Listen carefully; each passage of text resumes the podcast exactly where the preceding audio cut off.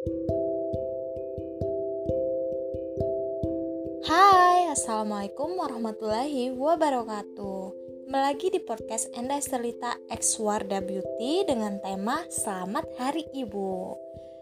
Udah ada yang nelpon ibunya dengan mengucapkan rasa sayang Udah ada yang ngasih kado Bahkan udah ada yang ngajak quality time. Oke, kali ini aku bakalan nge-share tentang uh, gimana perjuangan ibu, ibu aku terutama dan ibu-ibu yang lainnya. Oke. Hari ini aku bakalan cerita tentang Hari Ibu, gimana peran ibu tuh di dalam hidup aku itu berarti banget ya. Yang terutama itu pada pendidikan, pada attitude aku, bahkan pada gimana pola pikir aku bisa sampai sekarang kayak gitu. Tanpa bimbingan ibu, aku bukan apa-apa. Ibu sangat berperan besar, berjasa di kehidupan aku, terutama saat aku terpuruk ya. Eh, aku untuk mencapai sekarang itu adalah hal yang sangat panjang.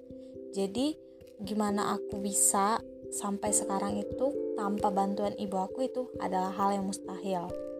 Jadi inget banget dulu tuh aku pernah uh, dirundung masalah kayak gitu bertubi-tubi. Tapi ibuku tuh selalu uh, menguatkan aku ngasih aku stay dan stay dan apa gagasan-gagasan yang terbaik dan pendapat-pendapat yang paling the best. Dan hingga aku tuh bisa melewatin semuanya mulai dari nol sampai yang sekarang. Untuk quality time aku pernah pergi berdua sama ibu aku. Pergi ke Jakarta berdua atau pergi ke Palembang atau pergi keluar kota berdua atau uh, endorse berdua, promosi barang atau apa. Uh, karena menurut aku itu tuh momen-momen yang langka. Aku punya beberapa saudara, jadi mustahil kalau ibu aku tuh hanya fokus ke aku doang, ya. Jadi ibu aku juga fokus ke saudara-saudara aku kayak gitu. Jadi momen-momen itu tuh momen-momen yang indah banget, langka dan sangat-sangat berarti buat aku terus saat aku terpuruk saat aku sedih saat aku dibully, saat aku difitnah, ibu aku selalu stay ada buat aku dan ngasih saran-saran yang bermanfaat banget sehingga aku bisa sampai ke titik ini. Yang pernah ibuku kasih saran atau kayak uh, word magic gitu buat aku. Jadi aku tuh pernah dibilang kayak gini. Kalau kamu punya ambisi, kalau kamu mau sukses, kamu harus capek, lelah, terjatuh, merangkak, lalu bangun lagi, sampai seterusnya. Nanti ada waktunya, semua itu bakalan terbalas.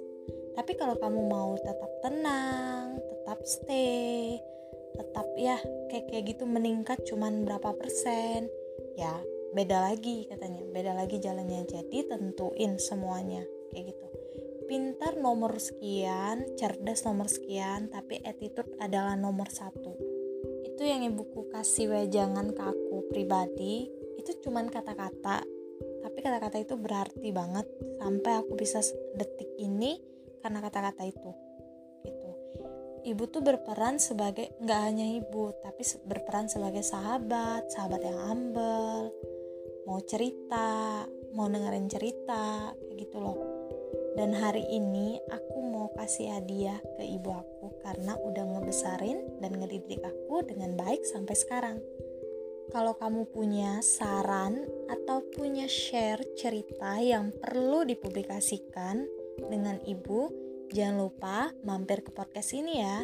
Kalian bisa terbitin cerita kalian. Bye.